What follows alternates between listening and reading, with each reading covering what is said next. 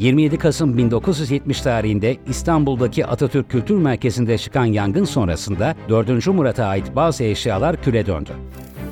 28 Kasım 1893 tarihinde Yeni Zelanda'da ilk defa kadınlar genel seçimlerde oy kullandı. 29 Kasım 1947'de Birleşmiş Milletler tarafından Filistin'de İsrail Devleti'nin kurulmasına yol açan Taksim kararı alındı. 30 Kasım 1925 tarihinde tekke ve zaviyeler kapatıldı. 1 Aralık 1928 tarihinde yeni Türk harflerinin kullanımı yürürlüğe girdi.